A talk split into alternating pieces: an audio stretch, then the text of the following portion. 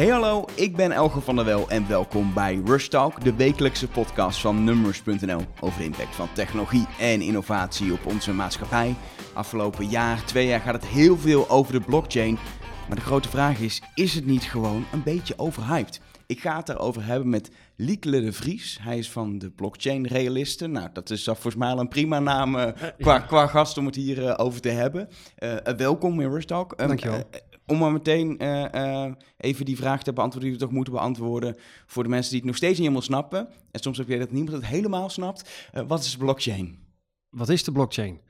nou, daar, daar, kun je inderdaad drie dagen achter elkaar over praten en heel kort. ik heb altijd heel vers veel verschillende korte versies die dan weer tot mij komen.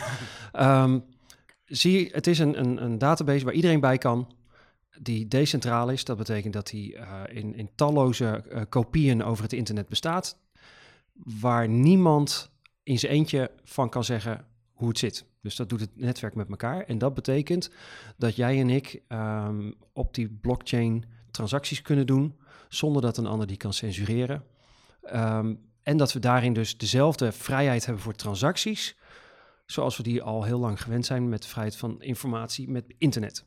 Ja, dus je, je, je kan wat dat betreft een, een, een, een transactie, dat kan, dat kan een soort afspraak zijn of iets wat van de een naar de ander gaat, uh, kun je daarin vastleggen en het is dan in principe openbaar. En dus uh, het is niet veranderbaar omdat het niet op één plek ja. wordt, uh, wordt opgeslagen. De, de, eigenschap van een goede blockchain is dat wanneer de transactie eenmaal gedaan is, dat niemand achteraf dat nog meer kan veranderen. Maar we het wel allemaal kunnen controleren.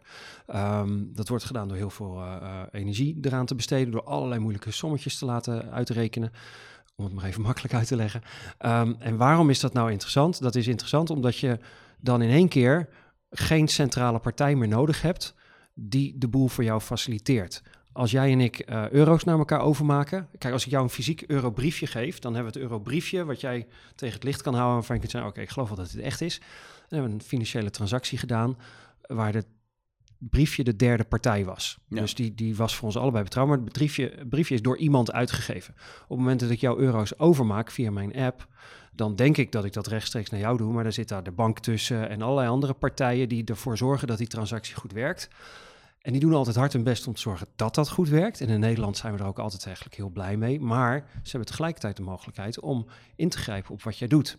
Dus als onze transactie verdacht zou zijn, omdat een van ons twee uh, iets met uh, illegale dingen zou doen, dan heeft de bank in één keer niet alleen de mogelijkheid, maar zelfs de plicht om die transactie te melden of hem uh, terug te draaien of wat dan ook.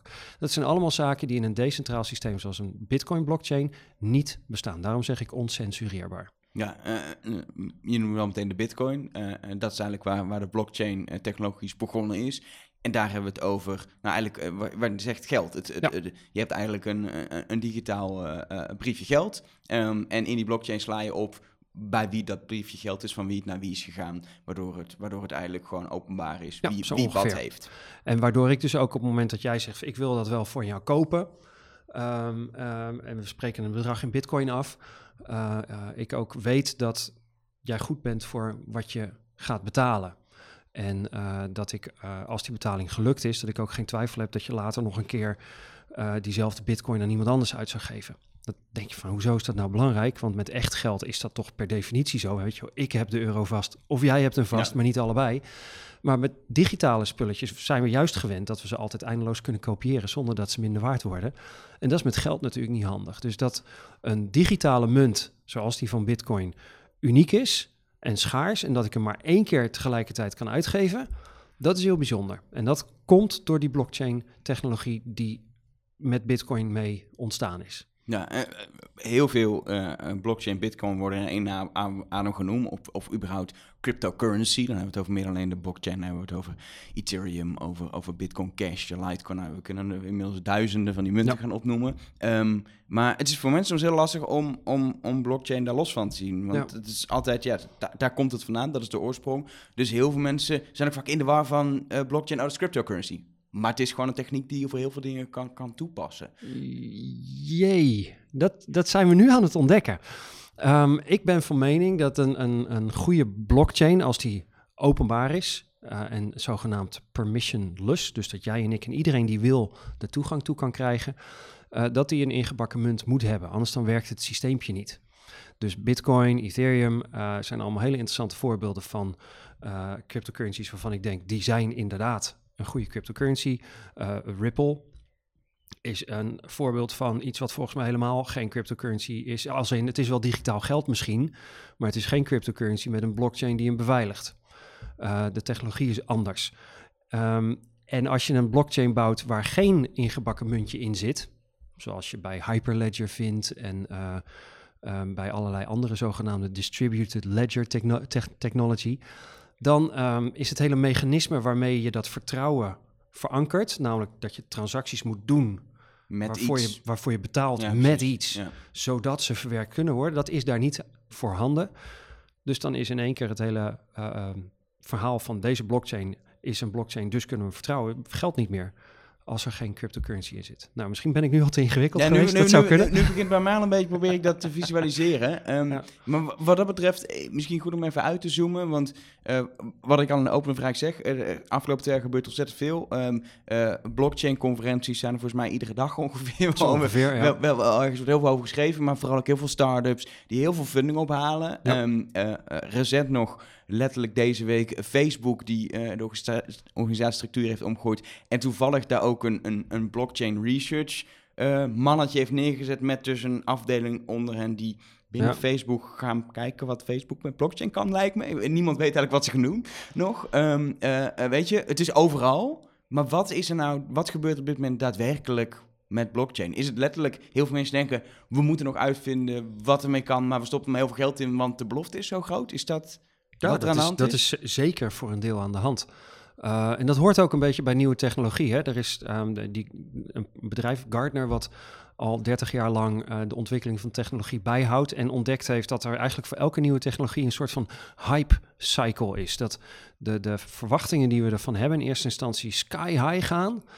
Um, want nieuw, want spannend. En oh, dit is de oplossing voor wereldvrede. En weet ik wat allemaal niet. En um, daarna dan valt het altijd tegen. En dan blijkt het uiteindelijk helemaal niet precies dat te kunnen wat je ervan gedacht had. En als je dan nog wat langer uh, uh, kijkt, dan blijkt dat na langere tijd die technologie soms in een hele andere doorontwikkeling toch een hele nuttige toepassing krijgt. Waar we met z'n allen graag gebruik van maken. En we zitten met blockchain technologie nog echt in die hele vroege periode. Dat het concept is helder. Blockchain als mechanisme om ervoor te zorgen dat jij en ik transacties kunnen doen zonder dat we een derde partij of elkaar hoeven te vertrouwen dat die transactie lukt. Dat mechanisme, dat hebben we nu gezien. En dat smaakt naar meer. Maar dat naar meer smaken, uh, dat, dat is nog niet even vertaald naar een specifieke toepassing. Want eigenlijk kan de Bitcoin-blockchain maar één ding heel goed. En dat is zorgen dat die Bitcoin niet twee keer wordt uitgegeven. Alle andere dingen die we zeggen, oh, maar dan gaan we dat ook op de blockchain gooien. Die moeten we nog uitvinden. Dan moeten we nog programmeren. Dan moeten we nog ontdekken wanneer het wel werkt en wanneer het niet werkt. Maar de belofte is groot. De verwachtingen zijn groot. Want stel nou dat je met blockchain-technologie uh, het administratieve werk van onze overheid uh, zou kunnen uh, realiseren. Dan zou dat een massieve besparing aan, aan papierwerk en, en overtollige uren en van kastje naar de muur gestuurd worden kunnen betekenen. Stel nou dat je blockchain kunt gebruiken om de hele supply chain van producten die je in de winkel koopt te documenteren, zodat jij precies weet waar jouw stukje vlees vandaan komt. Welke koe, welke boer, wie is er allemaal aangeweest. Dat zijn precies de dingen waar we met z'n allen op dit moment erg in geïnteresseerd zijn. Uh, daar gaat de productkwaliteit van omhoog, daar gaan de kosten misschien wel van omlaag en daar gaat jouw uh, kwaliteit van leven als burger die weet wat hij wel en niet consumeert misschien ook wel van vooruit. Dus dat biedt heel veel potentie, maar het moet allemaal nog gebouwd worden en uh, het moet allemaal nog uitgeprobeerd worden of het dan werkt. En dat is wel de fase waar we nu in zitten. Nou, zijn er al wel bedrijven die, die daadwerkelijk iets hebben gebouwd wat al draait, wat werkt. En waarvan ja. zegt, hey, dat, dat is een goed voorbeeld. Ja hoor, dus, er, er is heel veel. Er is ook meer dan, dan, dan ik per se uh, weet. Het is nou net zoals er elke week wel wat gebeurt, is er ook elke week wel een nieuw product uh, of een nieuwe dienst. Um, wat al langere tijd gebeurt, is dat de eigenschap van die blockchain, dat, dat die achteraf niet te veranderen is, uh, gebruikt wordt bijvoorbeeld om in verzekeringskwesties um, te bewijzen dat iets op een bepaald moment gebeurd is. Dus je, voorbeeld wat, uh, wat ik laatst nog mooi hoorde van Patrick van der Meij, een van de mensen van Bitkassa, die zit in Arnhem, is uh, voor verzekeringen. Misschien ken je het wel, je gaat ergens heen en dan huur je daar een auto. En dan na een weekje vakantie breng je die auto terug. En dan is het natuurlijk altijd oneenigheid over of die krast er al wel of niet op zat. Nou, Ik, ik loop al drie keer om de, om de huurauto heen. Precies. En dan kijk, staat die wel op dat formulier al aangevuld. En Exact. anders terug naar dat hokje. Nou, wat je dan zou kunnen doen, nu we ook blockchain erbij hebben, is dat je foto's neemt van alle beschadigingen die bestaan. Dat je die foto's koppelt aan een blockchain transactie. Dan hebben ze namelijk een datum tijdstempel wat niet meer veranderd kan worden. En als je dan je auto terugbrengt en er is oneenigheid, dan kun je zeggen, kijk, het zag er al zo uit toen ik hem van je meekreeg. En dan kan door het feit dat niemand die blockchain transactie kan aanpassen achteraf, kan de verhuurder ook geloven van oké, dat heb je niet zelf verzonnen om mij erin te luizen. Dat is gewoon zo. Maar dat kan, dat is dus wat je nu zegt, is dit is iets wat je als, als consument eigenlijk zelf kan doen. Eigenlijk een, een, een, een blockchain om bewijsmateriaal, ja, zeg maar, Om de timestamping, ja, zeg maar, timestamping, zodat het niet eh, mee, mee, mee geklooid kan worden. Dat je kan bewijzen dat je niet mee geklooid hebt. Ehm, maar dat is natuurlijk ook iets wat een verzekeraar los van, of, of een autoverhuurder los van, dat misschien niet in hun belang is om dat te doen. eh, eh, ze, ze zouden dat kunnen faciliteren ook. Natuurlijk, want het levert hen, als het goed is, ook een flinke besparing op in al dat eindeloze geëmmer van klanten die ergens om vragen, wat uitgezocht moet worden en wat uiteindelijk niet zo blijkt te zijn. Dus ehm, los van dat het, als je eh, op deze manier je documentatie digitaliseert, je sowieso al efficiëntiewinst boekt, eh, raak je misschien na verloop van tijd ook wel alle eh, nutteloze claims kwijt, die, die je op dit moment nog op goed geluk een beetje in kunt dienen. Want ja, wie weet hebben ze geen zin om het na te gaan. Nou, die zijn dan straks ook niet meer. Dus daar wordt de, de, de bedrijfsvoering van de verzekeraar ook efficiënter van. Ja, heb je, heb je nog, nog, nog zo'n voorbeeld waar je zegt, dit vind, ik, eh, dit vind ik echt een goed voorbeeld van wat er, eh, wat er mee gebeurt? Ehm, ja, wel meerdere. ehm, maar het zijn dan, in dit geval zijn het twee proeven. Ehm, eh, het World Food Program van de Verenigde Naties heeft er een test gedaan vorig jaar met, iets, met cryptovaluta. Dus als zij naar een rampgebied toe gaan om hulp te verlenen, dan eh, ehm, waren ze gewend om daar eh, bonnetjes uit te delen voor eten, drinken en al die andere dingen die mensen op dat moment nodig hebben. Maar om dat goed te laten werken, moesten een lokale bank inhuren. Die moet dan een heel programma voorbereiden. Die moet die bonnen uit gaan delen. Die bonnen moeten weer ingenomen worden, geadministreerd. Voor je het weet, hebben we een zwarte markt. Dan gaan de bonnetjes nog eventjes voor een ander bedrag van de hand. Ten koste van de mensen die geholpen moeten worden. Zij hebben het op basis van Ethereum eh, met vouchers in elkaar gezet. Dus een soort van digitaal geoormerkt geld. En ehm, mensen een, app op hun telefoon gegeven. Dat kan. We, denken nog steeds in termen van derde wereldlanden. Maar daar zijn goede smartphones 10 euro of zo. Dus heeft iedereen ook zo'n ding. En eh, dan konden die mensen in de winkel de spullen bij elkaar pakken die ze nodig hadden. Kregen ze van de winkelier een QR-code te zien die ze konden scannen. Werd direct afgerekend. Eh, geen zwarte markt met losse bonnetjes. En eh, de World Food Program wist gewoon van, van minuut tot minuut precies hoeveel geld uit het budget al gebruikt was. Ze hoefden niet nog twee maanden te wachten totdat de bank een keer de rapportage opgemaakt. Dus netto was er gewoon veel meer geld over om te besteden aan daadwerkelijke hulp. Nou, dus dat is wel een veelbelovende, veelbelovende proef die, Ja. eh, en die kan werken. Wat dat betreft, inderdaad, eigenlijk zodra de transactie is met dus iets van waarde, dan wat jij zegt, zodra er eigenlijk een valuta is en het hoeft niet kaart geld te zijn, maar het kan alles wat waarde heeft, wat van de ene partij naar de andere partij kan, dan wordt het interessant. En het kan dus inderdaad waardebonnen zijn die je uitgeeft. Nou ja, dan heb je het over een soort van programmeerbaar geld. Dan Ja. kun je in één keer zeggen, deze hoeveelheid geld is specifiek bedoeld voor dat doel en niet voor een ander. En dan wordt die dus ook alleen maar aan dat doel uitgegeven. Ja, dus Het kan zou- heel efficiënt zijn. Je zou kunnen denken dat je wat dat betreft airmiles op blockchain gaat doen. Los van misschien het, het, het, het, nut, dat weet ik niet. In, in, in Zuidhoorn, hè, in, eh, in, in de buurt van Groningen, ehm, eh, is- de gemeente bezig met een proef om het kindgebonden budget eh, op die manier uit te voeren. Dus dan krijgt het kind of de ouder, ik weet niet precies hoor, de details, maar die krijgt ook een app. En dat mag je dan gebruiken als je bijvoorbeeld een, een fiets moet kopen of dingen waar de ouders dan geen geld voor hebben. En dat werkt op precies dezelfde manier. Die winkelier die krijgt direct nadat de QR-code gescand is, eh, wordt er afgerekend. Dus een dag later staat bij die winkelier het geld op de rekening. Het kind kan eh, eh, die, die uitgaven doen.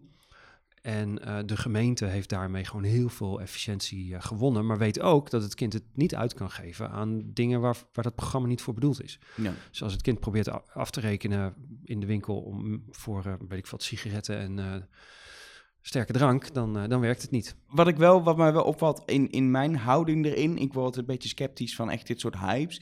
En dan, dan zie ik een voorbeeld, denk ik, prima toepassing van blockchain, lees ik dan. Nou, dit, is- dit is een voorbeeld. Maar in principe was de blockchain niet nodig om dit te maken. Nee, dit een- hadden we drie jaar geleden ook kunnen doen. Het wordt nu alleen misschien wat makkelijker, goedkoop, misschien zelfs iets veiliger, maar het is, niet, het is geen vereiste. Nee, nee, dan heb je, dat is een heel terecht punt. En dat is een beetje de, de fase waar we in zitten. Want dit zijn eigenlijk allemaal experimenten. Dus die worden per definitie op kleine schaal gedaan. Uh, als het op kleine schaal is, dan hoef je natuurlijk geen wereldomvattend blockchain-netwerk per se uit de kast te trekken. Dan kun je ook wel een lokale database implementeren. En het idee of het kenmerk van heel veel van deze pilots is ook nog een keer dat er één partij is die zegt: wij vinden het belangrijk dat dit gebeurt. De centrale partij in deze pilot dan. Dus daar zou je net zo goed een centrale oplossing voor kunnen doen. Een ander Nederlands voorbeeld is de verzekeraar VGZ, die kraamzorg op dit moment in een pilot via de blockchain uh, uh, laat afrekenen. Dus de, kraamverpleegkundige uh, zegt in de app van ik ben vandaag zoveel uur langs geweest voor kraamzorg. De ouders ontvangen een berichtje en zeggen dat is inderdaad waar. En dan wordt er direct vanuit hun wallet wordt er een transactie gedaan. En is dat hele papierbende die anders 90 dagen kan duren is, is al geweest. Ja, als VGZ de enige is die dat doet, dan had VGZ net zo goed gewoon een moderne database kunnen doen. Dat is al ontzettend volwassen technologie. Beetje goede user interfaces erop en klaar ben je. Goede encryptie en dan ben je er, ja. Wat, wat is hier nou uh, anders aan? En dat zeggen ze zelf ook als je ze ernaar vraagt. Ze, ze realiseren zich terdege dat nu voor de schaal van de pilot die ze hebben, dat dat een betere alternatief zou zijn geweest. Maar het gaat erom dat ze kijken, kunnen we hiermee een protocol maken wat straks niet alleen hier, maar binnen onze hele verzekeringssector gebruikt kan worden. Niet alleen door ons, maar door alle verzekeraars. Of dat gebeurt is een tweede, maar als je dat als beeld voor ogen hebt, dan weet je zeker dat je kijkt naar een wereld waarin allerlei partijen rondlopen die elkaar niet per se vertrouwen. En laat dat nou zijn waar een blockchain hartstikke goed in is. Dat als jij en ik elkaar helemaal niet vertrouwen, kunnen we nog steeds een blockchain gebruiken om te weten dat de transacties niet door jou of door mij gemanipuleerd kunnen worden. En dat is dus juist de ideale setting voor een blockchain. Dus het begint klein en dan zou je het net zo goed met een database kunnen doen. Maar eigenlijk hadden ze dat dan al tien jaar geleden of twintig jaar geleden moeten doen. En het is nooit echt goed van de grond gekomen. Dus we hebben ook een beetje geluk dat blockchain nu langskomt. En al die partijen ook een beetje mede dankzij de hype motiveert van... nou, laten we het dan nou maar eens even proberen. Maar ook, en dat is, eh, het is een wat langer antwoord dan ik dacht... heel veel van deze partijen realiseren zich ook dat ze bestaan zolang als wij blij zijn met wat ze doen. Ja. Uh, er zijn ook verschillende overheidspartijen in Nederland en elders bezig met blockchain-technologie, waarvan je helemaal kunt zeggen: ja, hoezo? Jullie zijn de enige in het land die dit mogen. Waarom zouden jullie nou blockchain-technologie gaan toepassen? Jullie hebben het volledig beheer en de wet is erop ingericht. En die mensen zeggen dan ja, maar wij voeren deze dienst uit ten behoeve van de samenleving. Zoals bijvoorbeeld de Rijksdienst voor het Wegverkeer. En daar hoort bij dat als we een manier ontdekken die ons in staat stelt om het efficiënter, veiliger en goedkoper te doen, dat de samenleving daar baat bij heeft. Dus ja, dan moeten we het toch zeker onderzoeken. Want als wij onze dienstverlening kunnen verbeteren, dan wordt de samenleving er beter van. Maar het is, het is in dat opzicht dan is gewoon handig en, en, en, en, je kan iets beter doen ermee. Maar het is niet een, een, wondermiddel. En dat is een beetje wat natuurlijk wel eens de belofte lijkt te zijn. Dit is een wondermiddel, dit gaat de wereld veranderen. Ja, ultimo, hè, sinds we blockchain hebben, hebben we ook geen, uh, geen overheden meer nodig. Hebben we geen landen meer nodig. Hebben we überhaupt geen traditioneel geld meer nodig. Het kan allemaal nu helemaal libertarisch, open source. uh, ieder op zijn eigen voorwaarden en uh, red je eigen reet maar er zijn een paar mensen die daar heel blij en heel gelukkig van worden van dat perspectief. Uh, maar de meerderheid van ons zal waarschijnlijk toch ook denken: ja, maar hallo, um, die samenleving, dat is een heel groot ding. Dat is een heel groot, veelkoppig monster. Ik vind het wel heel fijn dat ik kan vertrouwen op hoe we de samenleving hebben ingericht, dat het allemaal goed gaat. Dat ik niet zelf elke keer mijn onderhandeling hoef te doen wanneer ik in de auto stap en op pad ga naar een andere stad. Van of ik dan wel veilig aankom. Het is toch fantastisch dat de wegen onderhouden worden, dat, dat er verkeersregels zijn en al die andere dingen. Dus um, de, de hype wordt een beetje gevoed door dat extreme beeld. En extreme beelden is precies wat de traditionele media natuurlijk ook machtig mooi vinden. Dan kun je lekker zwart-wit plaatje maken. Er is ook wat associaties met criminaliteit. En weet ik van, nou, dat, is allemaal, dat bekt allemaal heel lekker. Dan gaan mensen snel de krant lezen, zeg maar. En dan valt de nuance er wel een beetje uit. De waarheid is, en dat weet iedereen die terugkijkt naar de afgelopen eeuwen ontwikkeling, dat de soep niet zo heet gegeten wordt als die opgediend wordt. En dat de daadwerkelijke toepassingen uiteindelijk een heel stuk gemodereerder zijn. En helemaal niet zo flying car futuristisch meteen. Ja, en eh, wat dat betreft de grote uitdaging met de toepassingen, los van het, het, technische deel, het moet maar echt werken ook op grote schaal, dat is nog wel eens een uitdaging, mhm. ehm, is het ook vooral om eigenlijk partijen samen te laten werken en aan te laten haken. Je, je, gaf een heel mooi voorbeeld van hoe mooi zou het zijn als de voedselketen eigenlijk transparant wordt door de blockchain. Dat je precies weet welke transacties zijn geweest in die voedselketen. Nou, hoe, mooi zou het, hoe mooi zou het zijn als die voedselketen überhaupt volledig transparant zou zijn? Heb je niet, en, zonder blockchain. En als dat met blockchain kan, hartstikke goed. Uh, maar wellicht kan het ook wel op andere. Maar überhaupt dat, dat, dat dat niet vanzelfsprekend is, dat is wel een interessante bijkomstigheid van deze tijd. En blockchain heeft daar misschien wel een beetje in geholpen. Dat we met z'n allen een heel stuk bewuster kijken naar de wereld om ons heen. En hoezo is dit zo geregeld? Hoe werkt dit? We zijn al een paar keer belazerd met z'n allen door de banken en zo nog wat. Dus we zijn al wat sceptischer ook, geworden. Ook, ook al met ons vlees een paar jaar geleden bijvoorbeeld. Ja. Om, om bij dat voedsel Niks te mis met paardenvlees. Wel, wel vervelend als er over gelogen wordt dat het iets anders is. Ja. Um, dus we zijn met z'n allen uh, wel een beetje wakker geworden van... nou, we hebben het ons ook wel aan laten leunen dat het vast wel goed zal zijn. Oh jee, uh, uh, ik heb dit bij de Primark gekocht. Um, wie heeft dat eigenlijk gemaakt, dit kledingstuk?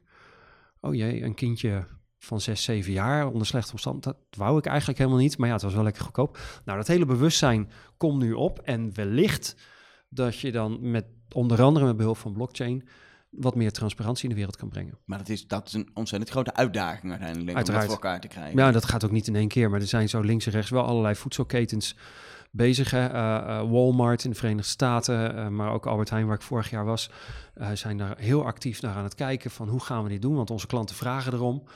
En we kunnen natuurlijk zelf wel een database neerleggen en zeggen, kijk, we hebben het zelf geregistreerd, maar dan kan je klant nog steeds denken van, ja, maar het is wel jouw database, dus hoezo weet ik nou zeker dat het is zoals je zegt dat het is. Terwijl in een openbare blockchain de klant kan zeggen, nou, nu weet ik zeker dat je er niet nog het mooier hebt gemaakt dan het was.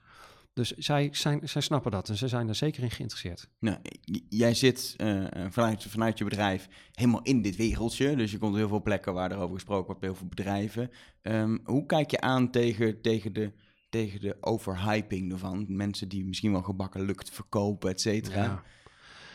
Ja, de, de hype heeft een functie, hè? Um, want daardoor raken mensen geïnteresseerd. En als je geïnteresseerd bent, dan ga je een beetje op zoek. En dan kom je die whitepaper tegen en allerlei andere projecten. En dan kun je dankzij internet ontzettend veel informatie vinden. En als dat naar meer smaakt, dan hebben we dankzij de hype dus in één keer weer iemand erbij... die uh, langzaamaan steeds meer weet van deze nieuwe technologie en weet wat je ermee kan. Waar we vorig jaar met name echt heel veel last van gehad hebben... is dat uh, er ook partijen waren die zeiden, weet je wat, we, we verzinnen onze eigen munt... Die brengen we op de markt en dan uh, doen we net alsof die net als Bitcoin en Ethereum enorme koersstijging kan krijgen. En daarmee gaan we geld ophalen voor ons bedrijf. De, de zogenaamde ICO's, de Initial ja, de Coin in, Offerings. Initial Coin Offerings of Initial Token Offerings. En een heel aantal van die initiatieven die waren um, bona, bona fide. Hè? Mensen die zeiden van nou we hebben een, een product of een dienstenidee. En in plaats van dat we gaan financieren op de traditionele manier, gaan we onze klanten vragen om te financieren. Een beetje crowdfunding-achtig. Uh, um, hartstikke mooi, maar er waren ook best wel wat partijen die gewoon uh, whitepapers schreven. Want dat was dan hoe je het een beetje uh, aan de wereld vertelde dat je iets bijzonders ging doen. Waar, waar echt helemaal alleen maar onzin in stond. En die echt er alleen maar op uit waren dat jij dacht: oh, snel, ik, ik heb de boot gemist bij Bitcoin. Dus ik moet dit nu kopen, want dan kan ik alsnog lekker veel geld verdienen. Behalve dat zij natuurlijk wisten hoeveel coins er zouden komen en wanneer er verkocht zou worden. En je dus eigenlijk meespeelde in een enorme pump-en-dump scheme. En dat je uiteindelijk overbleef met tokens die niet meer waard waren wat je ervoor betaald had. Nou, Hartstikke leuk dat uh, initial coin offerings een alternatief bieden voor de traditionele manier van financiering. Hè? Aandelenuitgifte en dat soort zaken. Maar dit is te veel Wild West praktijk. En het is heel erg dat, dat mensen daar um, uh, intrappen of, of hè, dat ze een rad voor ogen gedraaid krijgen en hun geld eraan kwijtraken. Daarom zegt de AFM ook van wees nou alsjeblieft hartstikke voorzichtig. Het is echt niet vanzelfsprekend een goed idee. Marktplaats zegt het al heel lang. Hè? Als iets te mooi lijkt om waar te zijn, dan is het dat waarschijnlijk ook. Ja, precies. Alleen Bitcoin en Ethereum uh, bestaan ondertussen al zo lang dat je van die koersstijgingen ondertussen heel voorzichtig kunt gaan denken. Nou, dat zou wel eens op de lange termijn wat consistentie kunnen houden. Maar alles wat vorig jaar op de markt kwam, ja, is dus nu per definitie nog jonger dan een jaar. De meeste van die munten die, die zijn al niet meer nuttig. Die, daar hebben de, de initiatiefnemers hun geld genomen, zijn met de Noorderzon vertrokken. Of um, blijkt het nu toch heel moeilijk om het idee te realiseren en daalt de waarde van de munt daarom. Dus als je het doet om snel te speculeren, dan is het extreem risicovol. En daar hebben we last van gehad. Terug bij jouw vraag. Die hype die helpt aan de ene kant, omdat hij meer mensen nieuwsgierig maakt. En hoe meer mensen meedoen, niet alleen maar developers, niet alleen maar juristen, maar juist ook allerlei andere soorten mensen, daar wordt het beter van. Maar die hype heeft als negatief effect dat sommige mensen ook zonder na te denken uh, mee gingen doen. En dan loop je grote risico's. Ja, eh, kom je tegen dat jij bij een bedrijf komt om ze te adviseren en dat ze eigenlijk al helemaal verkeerd geïnformeerd zijn door, uh, door, door, iemand anders? Nee, gelukkig nog niet. Ik heb ondertussen al wel um, het een en ander uh, aan praatjes en blogposts voorbij zien komen van ik denk, nou, dit is echt klinkklare onzin. Uh, en ik heb zelf het afgelopen jaar actief dingen als OneCoin afgeraden aan mensen. omdat ik ervan overtuigd ben dat dat geen valide cryptocurrency is. Verder valt het op bedrijfsmatig niveau nog wel mee. Bedrijven die zijn, hè, die hebben toch de afgelopen jaren vooral gezegd: blockchain vinden we interessant. niet die munten. Dat mag ook niet van onze accountant. uh, dus vertel ons daar maar wat over. En het enige wat je daar dan tegenkomt is dat ze niet doorhebben hoe ingrijpend dit is op hun keten. Ja, het raakt, het raakt je hele bedrijfsvoering. Ja. En, en wat dat betreft, Weet je, eh, bedrijven zijn altijd geïnteresseerd in, eh, in trendsontwikkelingen. Lezen graag trendrapporten, gaan graag naar conferenties waar ze nieuwste dingen horen. Maar echt de stap maken om een pilot op te zetten, dus verder te gaan dan een keer je te laten informeren, is, is, is een redelijk grote stap. Zie je veel interesse in Nederland om dat echt te doen? Het neemt nu toe. Um, en uh, waar we in Nederland denk ik heel gelukkig mee kunnen zijn, is dat hey, ik maakte in 2014 dat uitlegfilmpje over Bitcoin en blockchain, Bitcoin Properly, samen met Patrick Loonstra, Sebas van der Brink en Rutger van Zuidam. En Rutger van Zuidam is eigenlijk de Nederlandse meneer blockchain. Die heeft toen al bedacht, dit gaan we niet lukken met, dit gaan we niet voor elkaar krijgen met losse bedrijven bij elkaar. Er moet een Nederlands ecosysteem ontstaan en het liefst een internationaal ecosysteem van alle verschillende soorten partijen die hier wat mee kunnen doen. En um, daar heeft eerst een aantal Bitcoin-conferenties opgeleverd. En dit jaar en vorig jaar de eerste grote blockchain hackathons. Waarschijnlijk de grootste van de wereld, op, uh, ieder op een eigen moment. Laatste, er waren 700 mensen in teams samen aan het werk.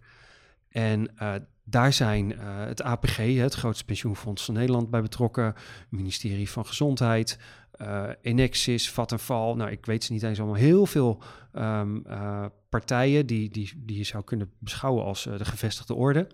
Die toch met z'n allen zeggen, wij vinden het interessant om te zien op welke manier we hiermee onze processen efficiënter kunnen maken, onze klanten beter kunnen bedienen, de wereld een stukje beter maken. En dat zijn de partijen die vaak de, de grote beurs hebben. Hè. Die kunnen makkelijker grote bedragen uittrekken. En je ziet nu heel langzaam uh, de wat kleinere bedrijven ook voorzichtig zijn. Oké, laten we eens een pilot afbakenen. We hebben geen miljoenen om er tegenaan te gooien, maar we willen nu toch wel eens serieus uh, één, twee developers en een paar mensen van ons business development er mee aan de slag zijn. Dat begint nu een beetje op te komen. Wat ik nog wel interessant vind is, um, als, je, als, je, als je kijkt naar, naar Bitcoin, uh, heb ik ook een aantal maanden geleden met iemand over gesproken, over het nadeel wat vooral Bitcoin heeft, maar ook alle andere cryptomunten, is dat het energieverbruik heel hoog is. Onder meer doordat uh, uh, dat het minen steeds ingewikkelder wordt, steeds meer rekenkrachten vereist, et cetera.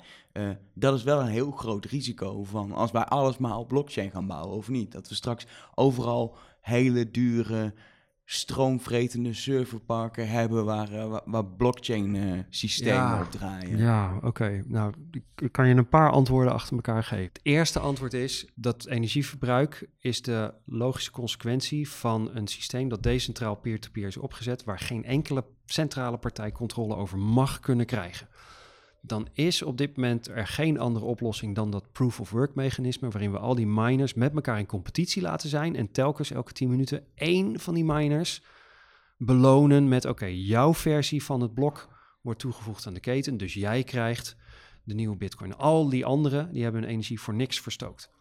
Dat maakt dat jij en ik het Bitcoin-netwerk kunnen vertrouwen. Dus we verspillen de energie niet, we gebruiken het. Tweede antwoord: het is met opzet dus inefficiënt op dezelfde manier als een democratie erg inefficiënt is in vergelijking met een dictatuur. Als uh, minister-president Rutte de president zou zijn in een dictatoriaal regime, dan zou hij gewoon kunnen verzinnen hoe het moet. En dan wordt het zo uitgevoerd, daar hebben wij niks over te zeggen. Verrotte efficiënt. En niet leuk. Daarom gaan we naar de stembus en dat is een onhandig proces. En dan moet er een kabinet geformeerd. En dan als Rutte iets zegt, dan weet je nog niet of het op straat ook zo gebeurt. En, dat is juist omdat we dat belangrijk vinden, dat we die energie eraan besteden. Dus dat is de meer metaforische vergelijking.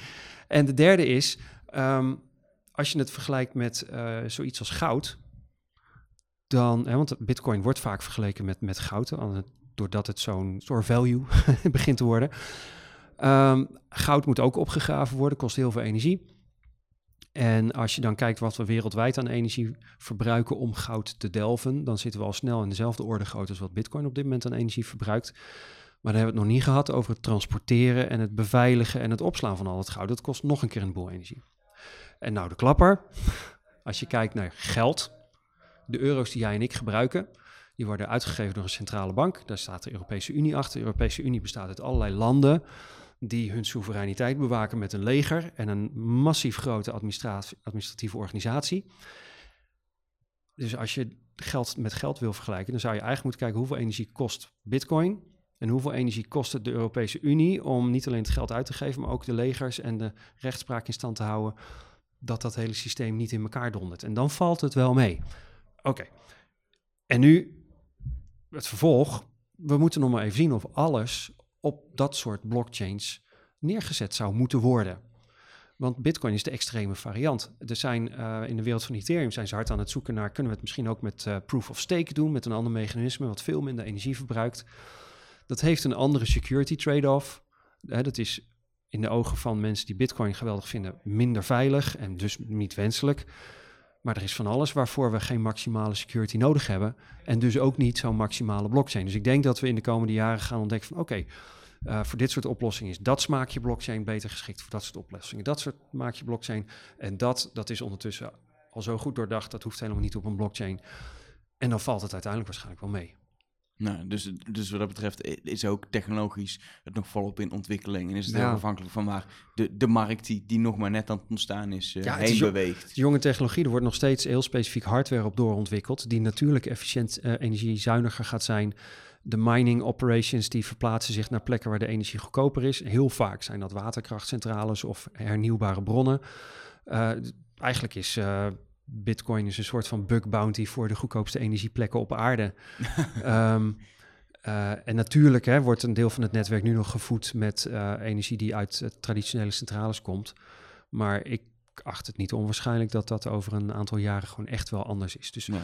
dan gebruiken we nog steeds veel energie voor een blockchain, maar we gebruiken het met een goede reden. We, we, we gooien het niet weg. Het is geen waste. Nee, precies. Tot slot, uh, in het begin had je het over die, over die hype cycle. Is nog echt in het begin. Wat, wat is jouw verwachting van het verloop? Wanneer, wanneer gaan we een beetje voorbij aan die eerste hype en wordt het veel meer een soort van... Mm, voorspellen is moeilijk, helemaal als het over de toekomst gaat. Maar ik denk dat we in 2018 heel veel zullen lezen over alle proof of concepts, alle eerste pilots die gedaan zijn. Hè. Er is uh, in juni weer een grote nationale blockchain uh, innovation conference, als ik het goed heb, hier in Utrecht. Uh, daar is het thema van. Wat is er uit alle proof of concepts gekomen? Wat hebben we er nu concreet mee gedaan? Er zal dit jaar, volgend jaar, jaar daarna zal nog wat een en ander gebeuren op het gebied van wetgeving. hoe zit dat met die ICO's? Gaan we nog mensen aanpakken? En dan ontstaat er met z'n allen, krijgen we het een beetje in de grip. Wanneer is het Wild West en wanneer is het betrouwbaar? En ondertussen ontwikkelt de technologie zich door. Er is in juli een fantastisch eh, congres in Lissabon, waar uh, in dit geval de Bitcoin developers juist praten over wat kun je nou op layer 2 en 3, al die lagen die je bovenop Bitcoin kunt maken, nog meer aan concrete toepassingen neerzetten. Dus tussen nu en, en drie tot vijf jaar ga je een aantal hele concrete toepassingen zien. Gaan we misschien ook wel zeggen, dat was een leuk idee, maar dat sloeg echt helemaal nergens op om daar blockchain voor te gebruiken. Nou ja, weten we dat ook weer. Uh, en de wetgeving zal zich rond die tijd ook langzaamaan een klein beetje gevoegd hebben naar deze nieuwe technologie. Um, en dan nog, heel veel mensen maken de analogie met hoe het internet uh, begon, begin jaren negentig. Toen had je allerlei fantasiedromen, maar pas met de komst van de smartphone in 2007 hadden we echt een radicale groeispurt en, en, en gebeurde eindelijk wat mensen echt wilden. Dus hier kan ook nog een enorme vertraging in zitten. Nou, we gaan het meemaken. Liekele de Vries, hartstikke bedankt voor je komst. Als mensen nog vragen hebben, hoe kunnen ze jou eh, bereiken? Blockchainrealisten.nl is de plek waar je al onze praatjes en uh, informatie vindt. Lekker, uh, lekker transparant is daar alles, uh, alles ook terug te, te zien. Wat, je, best, ja. wat, je, wat jullie doen, inderdaad. Um, ik wil je bedanken voor je, bedanken voor je komst. Um, wil je nog reageren op deze uitzending richting mij? Dan kan dat via het Elger op Twitter of het Nummers of facebook.com slash nummers. Ik ga de komende weken even met vakantie, dus ik ben er even niet met Rush Talk, maar ik spreek je vast heel snel weer. Tot dan.